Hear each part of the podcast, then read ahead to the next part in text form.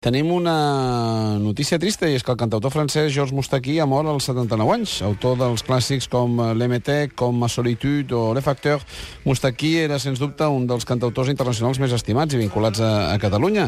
I a aquesta hora podem saludar i abraçar a través de la ràdio a la Marina Rossell. Marina, molt bon dia. Hola, Manel, què tal? Doncs una abraçada molt forta. Com, com t'ha arribat la, la notícia i com estàs? Bé, Moustaki ha mort dolçament aquesta matinada a Nissa i a casa seva, l'acaben de portar a l'hospital i ha mort tranquil·lament i dolçament. Uh -huh. I jo crec que eh, se'n va l'última llegenda de la cançó francesa Uh -huh. i un, un lliure pensador i una mica com si hagués cremat de nou un trosset de la biblioteca d'Alexandria, no? Uh -huh. Era un home que, que consubstancial amb ell era la multiculturalitat. Ell sabia l'àrab, sabia l'hebreu, sabia, parlava perfectament el l'italià. Per tant, era un home que